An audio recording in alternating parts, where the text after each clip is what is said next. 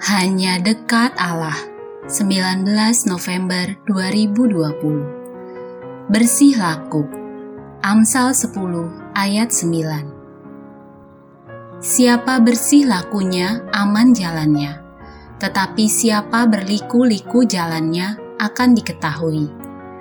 Dalam Alkitab Bahasa Indonesia masa kini tertera Orang jujur hidupnya aman Orang yang menipu akan ketahuan Bersih laku, itulah yang ditekankan penulis kitab Amsal.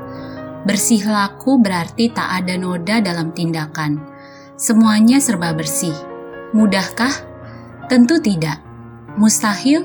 Pasti juga tidak. Kuncinya ada pada kemauan. Dan semua itu bersumber dari hati bersih. Bagaimana membersihkan hati? Yang paling logis adalah memohon Allah membersihkan hati kita. Itu berarti perlu pengakuan diri bahwa hati kita memang kotor, sehingga perlu pencucian dari Allah sendiri. Setelah dicuci, baiklah kita mempertahankan kebersihan hati itu.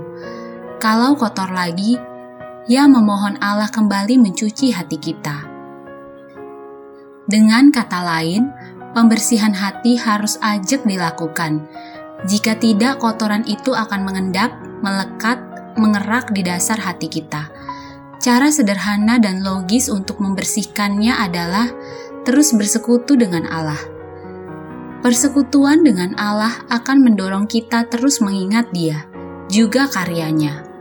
Mengingat karyanya bagi kita akan membuat kita terus menghormatinya dan bersih laku merupakan cara penghormatan tertinggi bagi Allah.